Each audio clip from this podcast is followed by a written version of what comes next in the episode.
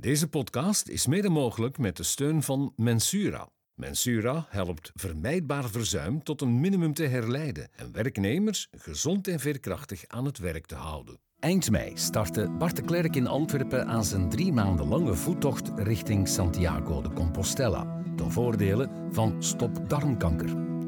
Op zijn tocht krijgt hij af en toe het gezelschap van een bijzondere gast. Luister mee naar uw verhaal in deze podcast. Vamos van Antwerpen naar Santiago de Compostela. Welkom, Andreas Pfeffer. We zitten hier op een terras in een dorp. Ik heb het nog even moeten opzoeken. Mancilia de las Mulas. Klinkt goed, hè? Ongelooflijk idyllisch. Ja, ja, ja. En Andreas Pfeffer, dat klinkt ook goed. Dat is een beetje Duits, hè? denk ik. Absoluut, ja. Mijn uh, twee ouders waren uh, Duits. Ja. ja. maar daar gaan we het later nog wel over hebben. Absoluut, hè? ja. Nog niet bij de verwelkoming. Jij bent uh, vanmorgen of vanmiddag vertrokken uit, uit Antwerpen, uit Brussel. Klopt. Ja. Hoe ben je hier geraakt? Vlucht naar Madrid en dan hoge snelheidstrein. Ja, ja. In Spanje heet dat de AV. Ja. ja. En ongelooflijk systeem. Ja. Tot op de minuut precies. Ja? Ja. Jij was daar echt wel over in de wolken. Ja. Want je, ze miste met eigenlijk. Ik zit nu op een hoge snelheidstrein ja. en dit is fantastisch. Ja. Ik was aan het aanschuiven aan uh, de bagagecontrole en uh, kreeg een pamflet in mijn handen waarop stond: als de trein een kwartier te laat is, krijg je 50% van je treinticket terug. Een half uur te laat en je treinrit is gratis. Ongelooflijk, hè? Ja, ja, jij bent nu voorzitter van VOCA in, ja. in Antwerpen-Waasland. Misschien kan je eens verwijzen naar hoe het uh, hier in Spanje gaat. Uh, ik zal dat zeker opnemen als ik terug ben. Ja, het wordt opgenomen nu. Het wordt opgenomen, dus ze gaan het horen. Uh, nee, we kunnen er nog iets van leren. Ik spreek het gewoon heel graag uit. De Renfe. Weet je waarvoor dat staat? De Renfe?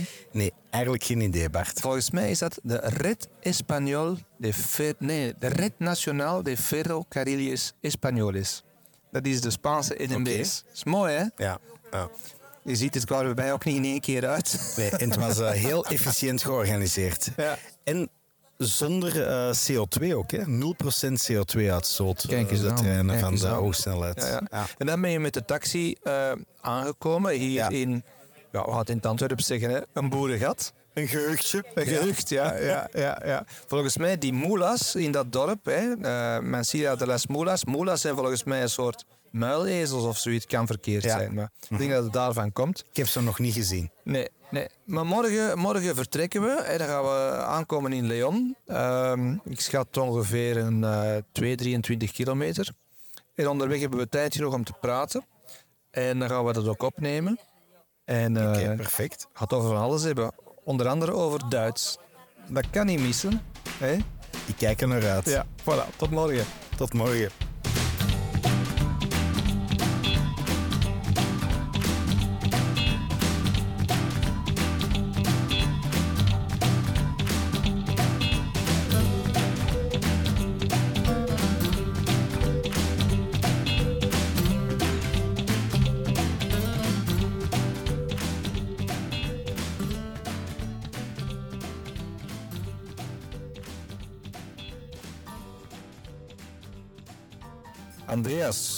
We zijn eh, vanmorgen vertrokken in Mansilla de las Mulas. En we zitten nu vijf kilometer verder in Mansilla Mayor. Met een lekker koffieke. Ja, de tweede al. Een tweede, ja. ja. ja, ja, ja. En wij verraden onmiddellijk dat we geen Spanjaarden zijn, want wij drinken geen café solo of café cortado, zoals ze het noemen, maar wij vragen een americano. Yes. Een beetje, een beetje meer koffie en ook niet zo heel straf zoals de Spanjaarden hem drinken. Dus ze zien onmiddellijk dat wij eh, ja, van ergens anders komen. Ehm, en ik hoor ook onmiddellijk aan de naam Pfeffer, want dat is jouw achternaam, Andreas Pfeffer. Ja, dat dat niet Janssens of Peters is natuurlijk. Nee, dat klopt, Eh, ja. van waar komt die Pfeffer? Ik denk vermoed vanuit Duitsland. Ongelooflijk, wat een deductie. Ja. nee, nee, klopt. Vertel eens, hoe. Duits is Andreas Pfeffer? Ja, heel Duits. Hè. Mijn, eh, mijn twee ouders komen, eh, komen uit Duitsland. Ze zijn eh, in de jaren 60 naar, naar België gekomen voor het werk van mijn vader. Dus ik ben hier wel geboren, maar tweetalig opgevoed en ook dubbele nationaliteit. Dus Ah, dat ook. Ja, ja, ja. Jij vertelde mij, je droomt zelfs in het Duits. Ja, mensen vragen mij dat vaak. Hè, van wat was, en, allee, Nederlands was eh, Antwerp zelfs, hè, Ja. dat ook. Ja, ja, ja, ja, dat kan ik niet onder stoelen of banken steken. Ehm, en toch, er zijn twee dingen die ik in het Duits doe. Dromen en vloeken. Ah, ja, ja, ja. En mijn kinderen trouwens ook dromen niet, maar vloeken gebeuren bij Ah, ons. En dat vloeken dat is niet voor op de podcast, Eh, veronderstel nee, dat eh, Nee. op zijn typisch Duits romantische... ja, ja, ja, Zeg, en ehm, ik kan me daarin inschatten, heb je in het Duits ook een accent? Hoor je dan van waar je ouders kwamen? Of? Ehm, ja, ik zelf niet natuurlijk, eh, maar mijn, eh, mijn, ouders uiteraard, eh, mijn ouders uiteraard wel. Hè. Ja. Mijn moeder kwam uit West-Duitsland, eh, Mainz. Ja. Dat is een buurt met niet echt een heel sterk dialect, maar mijn vader komt uit Oost-Duitsland, uit de buurt van Jena. Ehm, ja, en het Turings dialect, dat is echt een heel sappige... Ah, ja. Je kunt dat een beetje vergelijken met Kempisch eigenlijk Ah, ja? eh, bij ons. Dus Ah, dat, ja. is, eh, dat is een beetje, ja, eh, je hebt Bayerisch en dan heb je het Turings dialect, zeer herkenbaar. Ja, ja. Zeg, en hoe is dat precies gekomen? Want alles begon met jouw grootvader, denk ik. Mhm. Ehm, hè, Jena ligt heel dicht tegen de Tsjechische Ja, grens. klopt. Diep in Oost-Duitsland. Ja. Ja, ja, en Ja. toen is daar ook van alles gebeurd. Ja, ja. ja. Ja, eigenlijk ehm 1950 is mijn, eh, mijn grootvader gevlucht uit, eh, uit Oost-Duitsland, omdat hij op de zwarte lijst van, eh, van de Stasi kwam te staan als staatsvijand. Daar willen we maken. Ja. Ehm, dus ja, hij had eigenlijk op dat moment weinig andere opties. Ehm, en mijn vader woonde daar dan, heeft daar een jaar met zijn moeder en zijn broer gewoond. Maar zijn broer was, een, was al ouder, had ook al een gezin daar. Ehm, maar zij werden zo hard belaagd eigenlijk door de eh, staatspolitie daar, eh, dat mijn grootmoeder dan een jaar later, 51, ook besliste om te vluchten met mijn, eh, met mijn vader. Daar was Duitsland. Naar West-Duitsland ook. Hè. En dat is echt met alles van een Hollywood-film. hè. Ehm, door de modder onder de, onder de prikkeldraad. Serieus? Eh, ja. ja, dat was... eh, Met gevaar voor. Ja. ja, absoluut. Hè, want er was een leegloop in, in Oost-Duitsland natuurlijk aan de gang. Ehm, en mijn vader is dan nog wel kunnen terugkeren achteraf. Want mijn grootmoeder en mijn grootvader die zijn nooit meer kunnen terugkeren naar, Je naar vader Kwam terugkeren omdat hij nadien West-Duits Ja, mijn vader was toen 11 jaar, hè, in 1951. Dus hij heeft eh, de nationaliteit van de BRD gekregen, West-Duitse. Ja. Eh, en als Ja. West-Duits staatsburger Ja, was je, dat geen enkel was dat probleem. geen enkel probleem. Ja. En dan heeft hij, als ik het goed heb, jouw moeder leren Ja, kennen. mijn moeder leren kennen in eh, de buurt van Mainz. Ehm, en dan omwille van het werk. Eh, mijn vader was eh, glasblazer. Heel specifiek Ja. beroep. eh, Ja, echt ja. voor de chemische sector. Hè. Dus Mhm. je kent zowel de proefbuisjes en zo. Dat wordt nog altijd met de, met de mond geblazen. Oh, goed. eh, omdat dat machinaal niet zo fijn kan. Is hij eigenlijk voor een toeleverancier van, hoe kan het ook anders, BASF, eh, in Antwerpen terechtgekomen. En, Kijk eens aan. Blijven plakken in Wilrijk. Voilà. Ja, ja, ja, ja. ja. Ja. En jij gaat ook nog heel veel naar Duitsland. Ja, ja. Ehm, wij gaan, Berlijn is een beetje onze tweede heimat, terwijl eigenlijk mijn familie niet vandaar komt. Eh, maar wij zijn daar twintig jaar geleden, hebben mijn vrouw en ik daar eh, ons, eh, ons hart verloren. Dus wij gaan zeven, acht keer per jaar eh, richting Berlijn dat wij vertrekken. Ja, Het is een enorm fascinerende stad. En als je daar naartoe gaat, want dat is niet meer als toerist natuurlijk Nee. dat jij gaat. Nee, dat is hoe- het toffe, hè. Ja. De Brandenburger Tor, ja, die laat je al lang links liggen, veronderstel ik. Ja, daar komen we nog wel regelmatig voorbij natuurlijk. Hè. Maar niks hoeft niet meer. Hè. Je kent alles en je, je plant ook niet meer. Ehm, en Berlijn is zo'n stad waar dat je... is ook heel hard in verandering, maar je ontdekt elke dag nog andere, nog andere hoekjes en kantjes. Maar dat heb ik in Antwerpen ook. eh. Ja, ja, ja. En Berlijn, ja, dat is, dat is echt een levend tijdsdocument. Hè. De, muur, de muur staat er niet meer. Maar als je morgen geblinddoekt ergens in een, in een wijk van Berlijn wordt gezet, kan je perfect nog herkennen of het West- of Oost-Berlijn is. ja. Ehm, Je had het er ook over gisteren van ja, in Duitsland dat het niet zo geweten is, misschien hier, maar dat het ja, Oost- en West-Duitsland, dat het toch niet zo evident is. Ehm, ja, dat het, ja, ik noem het geen experiment. Hè. Ik bedoel, ja, er komt nu een auto voorbij in dit, in dit rustige dorpje. Dat ga je altijd zien als we beginnen. Dan mag het nog zo rustig zijn, er gebeurt altijd wel iets. Nee, maar dus de muur valt. Ja. En dat het toch niet zo evident is om die twee ja, landen hè, terug één te maken. Toch zeker niet in de geest. En dat je dat nu ziet. Ja, absoluut. hè. De, er zijn nog altijd twee snelheden in Duitsland, Oost- en West-Duitsland. En Berlijn mag je natuurlijk... Allee, Berlijn is, is niet Oost-Duitsland of West-Duitsland. Berlijn is gewoon Berlijn. Maar in het diepe Oost-Duitsland uh, is enorm veel armoede. Ehm, na de val van de muur is het daar allemaal veel te snel gegaan. Hè. Uh, mensen konden hun Oostmarken inwisselen tegen Westmarken, hadden ineens een, uh, een groot vermogen, ja. maar werden eigenlijk niet begeleid. En op een aantal jaar tijd um, ja, is, is daar de volledige vloedering uh, gekomen. En je ziet daar nu enorm veel extremisme, jammer genoeg, terug, terug naar boven komen. Heel veel onvrede. Oh, extremisme, ja. Ja, AFD. De AFD, ja, dat is de eerste gemeente nu waar dat zij ook een bestuursmandaat hebben, ligt in Oost-Duitsland. Um, en iedereen houdt zijn hart vast voor de volgende verkiezingen. Uh, de onvrede daar is zo groot en um, dat wordt echt nog gekeken. De schuld wordt daar echt op de West-Duitse politiek gestoken. Hè. Berlijn ja. wordt niet beschouwd. Uh, ja. Dat is uh, een heel vijandig ten opzichte van Europa. Dus het is een heel moeilijk klimaat er op dit moment. Zie jij nu ook, um, ja, er wordt wel eens gezegd, ik laat in het midden of het zo is, het, het, de talenkennis in, uh, in Vlaanderen, wat toch een heel grote, grote troef is, mm -hmm. in een bij uitstek exportland, exportgebied, um, dat dat achteruit gaat in het algemeen. En ik denk te mogen zeggen, het Duits in het bijzonder. Dat er zo meewarig over wordt gedaan van Duits vinden ze geen mooie taal en waarom heb je dat nodig?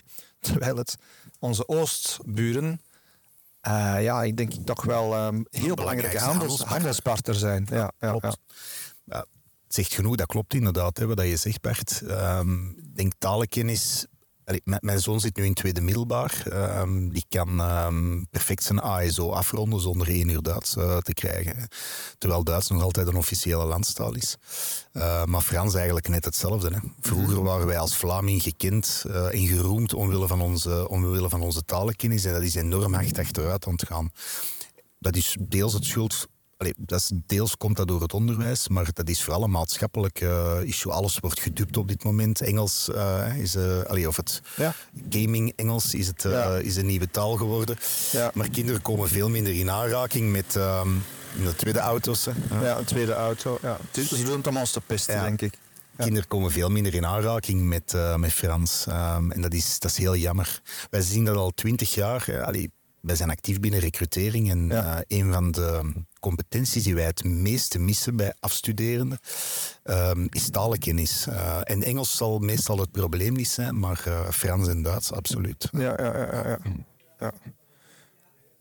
ja um, we zitten hier in een klein dorpje ja. met... Uh, we hebben dan onderweg al een paar gezien, ooievaars. Maar ook ja, elke kerk zit hier een ooievaarsnest. Ja. Um, ik hoop niet dat ze kleine mannen nog gaan brengen.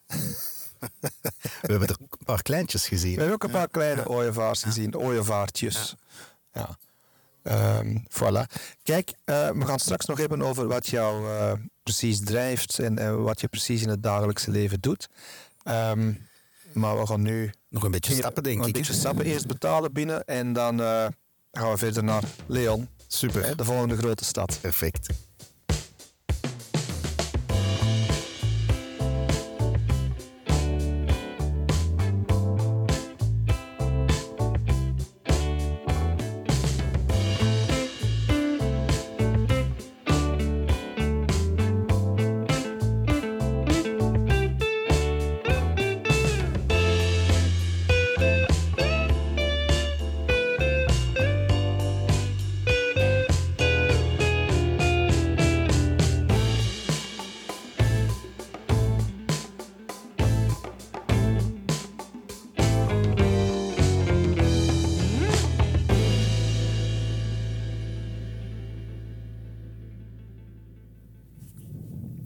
Andreas, we zitten nu in een dorpje, dat heet Arcaweja. Dus echt zo'n echt typische Spaanse naam. We zitten nog op 7 kilometer van Leon. Dus we hebben al een flink stuk gestapt. Wat vond je er al van? Super, hè? De cola heeft me wel goed gedaan, moet ik zeggen. Cola. Ja, die nemen wel... Uh, we hebben chance met weer, vind ik. Het is warm, maar uh, de wolken die er zijn, ja. maken het toch toch uh, wat draaglijk. en ik voel nog geen blijne Bart, dus nee. tot nu toe Ja, voilà, dat, dat lukt wel om dat verder af te maken dan. hè. Absoluut. En ondertussen al, al wat kunnen babbelen. En er komt hier nog een, een Aziat voorbij op een fiets. Ja, met mondmasker. Ja. ja. Oké, dat zal waarschijnlijk tegen het stof zijn. Ja. Ja.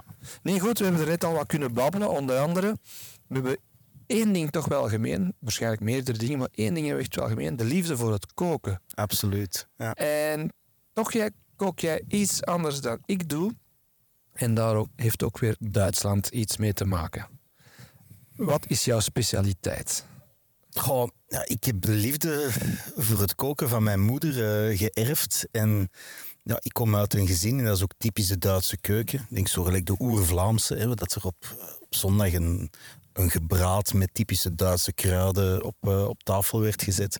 En dat is een traditie die ik, eh, die ik heb meegenomen. Dus eh, ik kook heel veel Duitse keuken. Ja, ook heel graag Italiaans en zo, maar Ja. ehm, veel oerklassieke Duitse keuken. En dat zijn dus geen braadworsten. Nee, Dat nee, nee. Dus, eh, Bijvoorbeeld rolladen. rollade bijvoorbeeld, hè. gevuld rundvlees. Ja, dat is eh, dus een heel fijn stuk Ja. rundvlees. Ja. Maar dat vind je niet overal hier. Nee, nee, mijn beenhouwer heeft het eindelijk begrepen welk vlees het is. eh, want ik ging dat heel lange tijd echt in Duitsland gaan kopen om de Ja. juiste kwaliteit te hebben. Ja. Maar hij heeft het nu eindelijk eh, begrepen en eh, ja, dat maakt het toch iets makkelijker. Maar dat moet flinterdun gesneden worden. Flinterdun en dat wordt dan ingestreken met mosterd. Daar komen kruiden op, ajuin. eh, dat wordt gevuld met eh, spek en met augurk. En opgeruimd. Opgerold en dan eh, gaat dat zes uur stoven in een, Zes rode uur? wijn, in een rode wijnsaus. En dan worden daar de typische kneudels bij geserveerd, de aardappelballen Ja. ja. en rode kool. En dan eh, ah, Kijk, hè.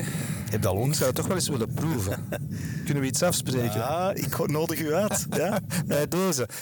Heel Antwerpen, heel Vlaanderen hoort mee. Dus, eh, als ik- is on you, Ja, ja, ja, ja oké. maar ik, ik, ik eet alles en ik heb, er, ik heb er alle vertrouwen in. Super. Nu, dat is ehm, ja, hè, vlees en, en die kneudels zoals je ze noemt. Maar jij bent ook, ook ehm, zot van kerstmis. en daar hangt ook weer iets om te eten aan vast. Collega's of vrienden die dit nu horen, die gaan, eh, die gaan heel hard lachen. Eh, want ik ben inderdaad iemand die in, eh, als in september de eerste kerstbeurzen in de tuincentra en zo komen, ik snuister daar enorm graag rond. Ik hou van die sfeer, die geur van kaneel. Eh, ja, witte kerst hebben we al lang niet meer gehad, maar dat is zalig. Ehm, en ook weer in het koken, hè. inderdaad. eh, Duitse traditie ehm, is dat er tijdens de maand december... ehm, ja, heel veel koekjes worden gebakken. Hè. Tientallen verschillende soorten. eh, soorten van Duitse peperkoek, speculaze. ehm, ook een traditie van mijn moeder en eh, sindsdien ook overgenomen. En in november begint dat. En dan eh, een paar duizend koekjes elk jaar. Ja? Een paar duizend koekjes. Die uit de oven bij mij thuis rollen. Ja. Nee, wat doen we er dan mee? Die kan je toch moeilijk allemaal zelf opeten? Nee. ehm, familie, vrienden, collega's. ehm, ja, die worden zeer, zeer hard gesmaakt. Ja, Ja. zullen ze bij Voka ook graag lusten. Eh, daar heb ik ze ik. eigenlijk nog nooit mee naartoe genomen, maar misschien moet ik dat dit jaar dan wel eens doen. Ja. Wat, ik weet niet of ik er al gezegd heb. Hè. Andreas Pfeffer, hè, voorzitter van VOCA, eh, Kamer van Koophandel Antwerpen-Waasland, hè, ondertussen. Ja. Een beetje atypisch, want jij bent een... Ja, ik denk niet dat er oud is. Ja, je bent de jong- jongste ooit, 42 jaar. ja, de jongste. Eh, En ook een beetje uit een atypische sector. Ja, ja atypische sector, recruteringssector, eh, klopt inderdaad. Natuurlijk al lang verbonden met VOCA. Hè. Ja. In het jaar dat ik eh, met recruitment ben gestart, ben ik ook voorzitter van Jong VOCA geworden. In de voorbije jaren wel actief eh, gebleven binnen de Kamer. Ehm, en natuurlijk, arbeidsmarkt is vandaag een van de top drie issues voor alle Antwerpse ondernemers. Ehm, Het vinden van goed personeel. ja, en niet alleen het vinden van goed personeel, maar ook hoe dat arbeidsmarktonderwijs, heel complex maatschappelijk issue, ehm, welke beslissingen dat daarin moeten genomen worden en hoe bijvoorbeeld politiek, eh, hoe het onderwijs erop kan reageren, hoe wij als maatschappij, welke maatregelen. Dus dat zal natuurlijk in mijn beleidsplan, is dat een van de topprioriteiten om te proberen Ja. ehm, de recepten aan te passen Ja. voor de arbeidsmarkt. Ja, maar zijn wel tenminste eh, ja, iemand die de recepten kent om terug in de keuken terecht Ja, te komen. ja. Hè? Ja. Ehm, En die ingrediënten hebben we nog niet allemaal, maar ik ben er wel van overtuigd Nee. dat we die gaan vinden. ja, ja, ja. Nu, kom even terug op dat koken. Hè. Die ingrediënten die ga je echt wel in Duitsland halen. Ja, Die vind je dus echt niet hier. Klopt. Ja. Er zijn heel veel ingrediënten. eh, en dat gaat dan vooral over kruiden en, en specerijen, heel typische. Ja. Die hier niet gekend zijn, omdat ze hier in gerechten niet gebruikt worden. Ja. Ehm, wat je die bijvoorbeeld soms wel nog kan vinden, is eh, zaterdag op de, op de Vogeltjesmarkt. Zaterdag is de vreemdelingenmarkt. de vreemdelingenmarkt. Zondags is de... Ehm, ja, Ja, maar je mag eigenlijk volgens mij zelfs niet meer vreemdelingenmarkt nee, zeggen. De officiële titel is de exotische markt. klopt. Maar, Daar vind je wel waar dat je die maar specerijen hier in. Spanje, hier in Spanje ehm, ja, ik zeg altijd op de Camino is er geen protocol. Dus ik zeg gewoon vreemdelingenmarkt, want ik en mijn vrienden, wij noemen dat nog altijd zo. Dus eh, kijk, Dat is ook zo. ja, voilà. Want er zijn heel veel kruiden en specerijen die eh, inderdaad met Maghrebijnse landen. Ja, eh, ja. Bijvoorbeeld in Duitsland kan je eh, tientallen verschillende soorten komijn vinden. Komijnzaden, komijn. Daar bestaat verschil in. Ja, daar bestaat, bestaat enorm veel. Want ik dacht gewoon, komijn is komijn. Nee, nee. Ah, Oké. En ja, dus ik ben verplicht om die in Duitsland eh, te gaan halen. Ja, ja, ja. Want jij zegt, op de, in die periode waarin je die koekjes bakt, dat er eh, in de supermarkten in, in Duitsland, waar ga je daar naartoe? Keulen? Of, of Nee, dat is eigenlijk vlak over de grens bij Venlo. Teunisvorst eh, noemt dat plaatsje waar dat wij naartoe gaan. Teunisvorst. Ja, ja. En is daar, wat is dat dan, een soort Carrefour? Dat is eigenlijk een, eh, een hele grote Duitse Carrefour. Hè. Ehm, en in november is, is de helft van de droge voedingafdeling bestaat uit rayons eh, met allemaal ehm, ja, verschillende soorten meel, verschillende soorten eh, ingrediënten voor die koekjes. Want dat is in Duitsland echt nog een traditie. Ja. En er zijn zelfs kruiden of- ingrediënten waar je zelfs de Nederlandse naam niet van kent. Ja, ja, ja. We. Ja, ja eh, een potasje. Ik zou het eigenlijk eens moeten opzoeken hoe dat je het eh, Ja. moet vertalen. Een soort van drijfmiddel. En dat is een heel specifiek drijfmiddel dat je nodig hebt om die Duitse speculazen te maken. En je kan, die niet, je kan dat echt niet gaan eh, veranderen door een ingrediënt dat je hier in België vindt. Ja. En je hebt dat echt van je moeder geleerd, Ja. om dat te maken. Ja, ja. Ja dat is, daar ben ik mee opgegroeid. Die geuren die, eh, die vroeger uit de keuken kwamen bij ons in november en december. Dat was eigenlijk een traditie binnen de familie. Mijn moeder is ondertussen 82, hè, dus dat is niet meer zo evident. Dus Ja. ik denk, ja, ik denk een tiental jaar geleden zal dat zoiets geweest zijn, heb ik die eh, traditie overgenomen. Eh, Ja. ja. Ja, met, met succes. ja, ja. En mijn vader is heel blij. Ja. Nu oké, de volgende keer dat ik op de koffie kom bij Volca, eh, Ja. moet dan wel rond kerstmis Moet dan zijn. wel rond kerstmis Ja. zijn natuurlijk. Ja, ja. Dan weet ik wat ik krijg. hè. Absoluut. Oké. We gaan verder, nog een zevental kilometer naar Leon. Eh, prachtige kathedraal, dat weet ik, want ik ben er 30 jaar geleden met de auto geweest. Ik ben benieuwd of ik het nog terug ga herkennen. Eh, Kijk er naar uit. Ja. Oké. Oh, En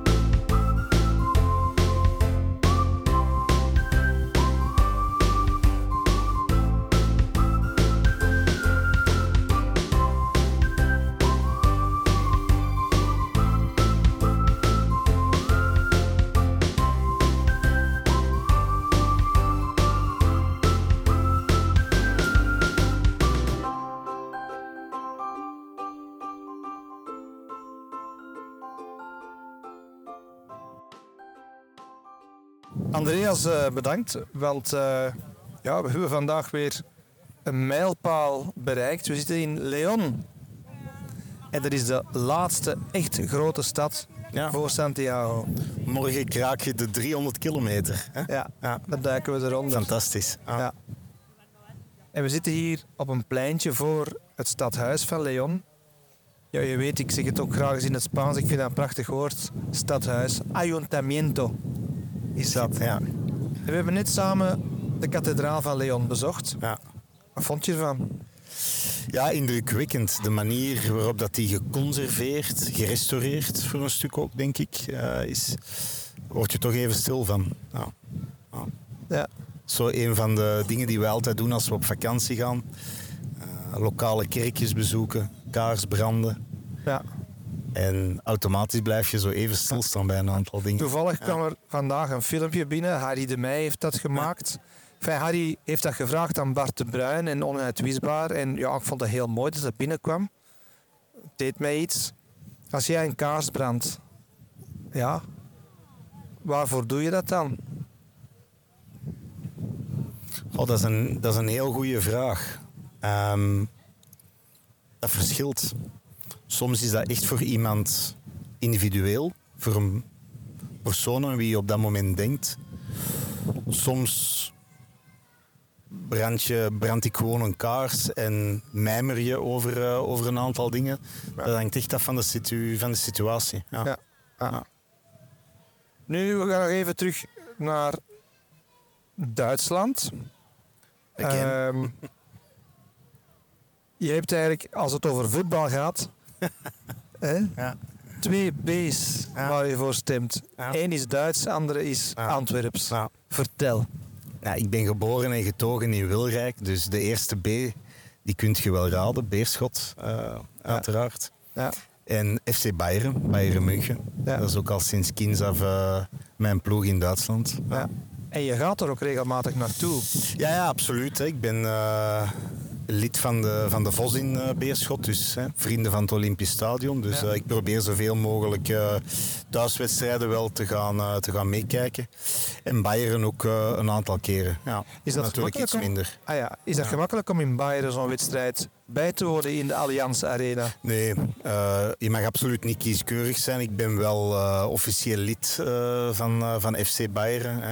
Dus je moet een bepaalde track record hebben. En dan, als de opportuniteit zich voordoet, ehm, is het take what you can get. Ja. ja. Ja. En onder een appelboom vallen geen peren. Ook jouw kinderen die hebben de microben te pakken. Ja, absoluut. En ook voor Beerschot en voor Bayern. Ja. En jouw kinderen die hebben ook Duitse namen, of, of moet ik dat zien? Ja, ja, Bastian en Torben, Duits geïnspireerd, Ja. eh, Scandinavisch een stukje mee erin. Ja. Ja, absoluut. ja, ja, ja. En Bastian, eh, Bastian Schweinsteiger, hè. Ah, Eh, kijk eens heel goede voetballer geweest. Van. En jouw Bastiaan heeft die talent voor te voetballen. Geen commentaar, Bert. Je hebt mediatraining gekregen misschien. Vandaar dat je weet dat hij me toe moet, eh, moet passen.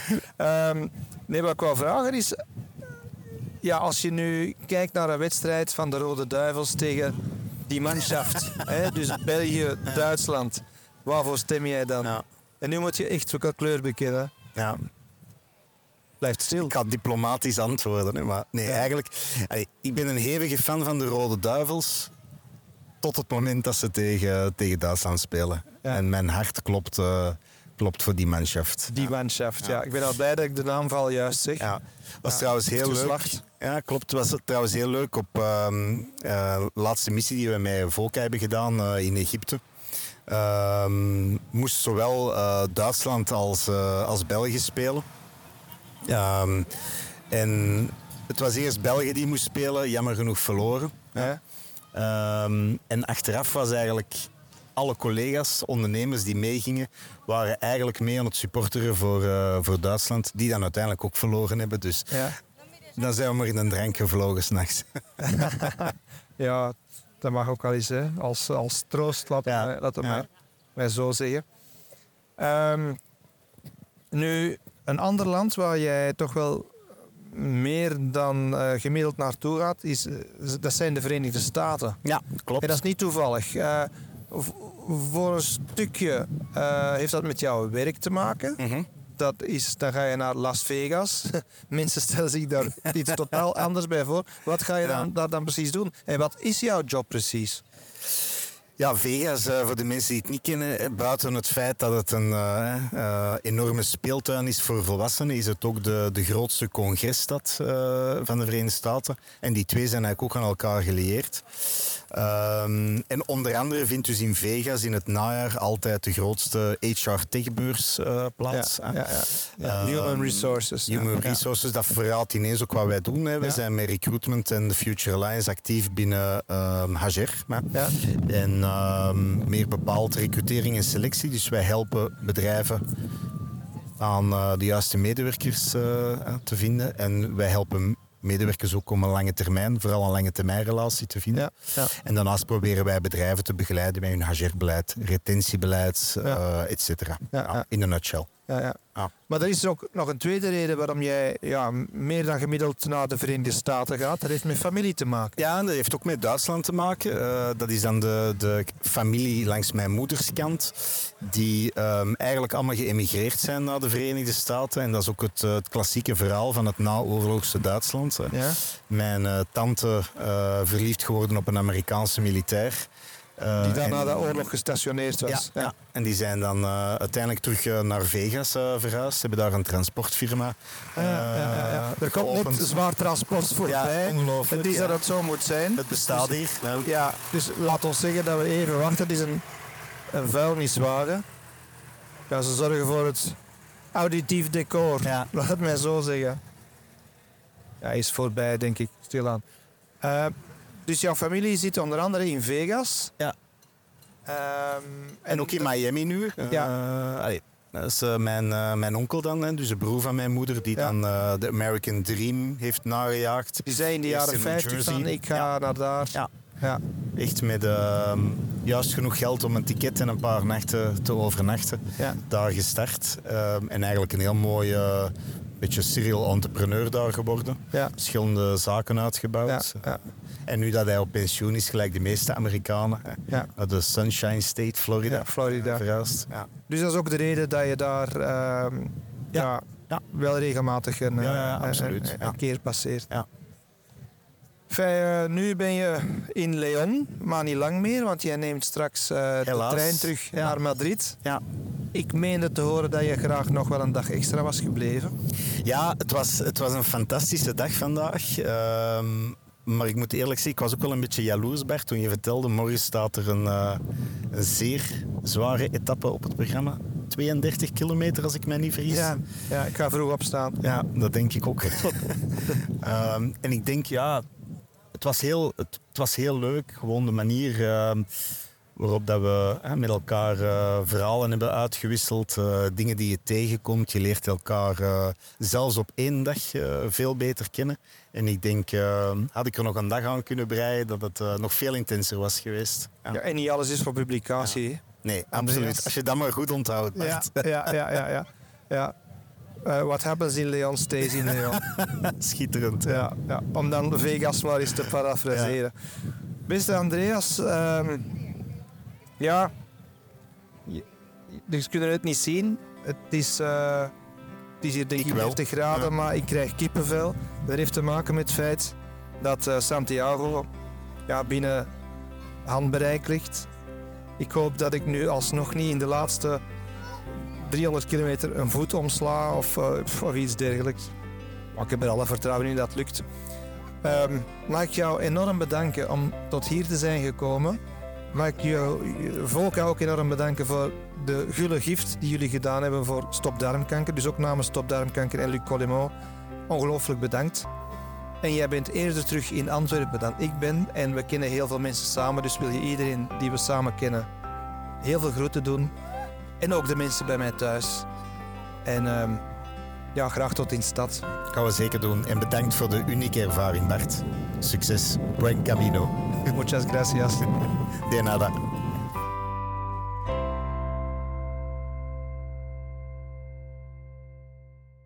Deze podcast is mede mogelijk met de steun van Mensura. Mensura helpt vermijdbaar verzuim tot een minimum te herleiden en werknemers gezond en veerkrachtig aan het werk te houden.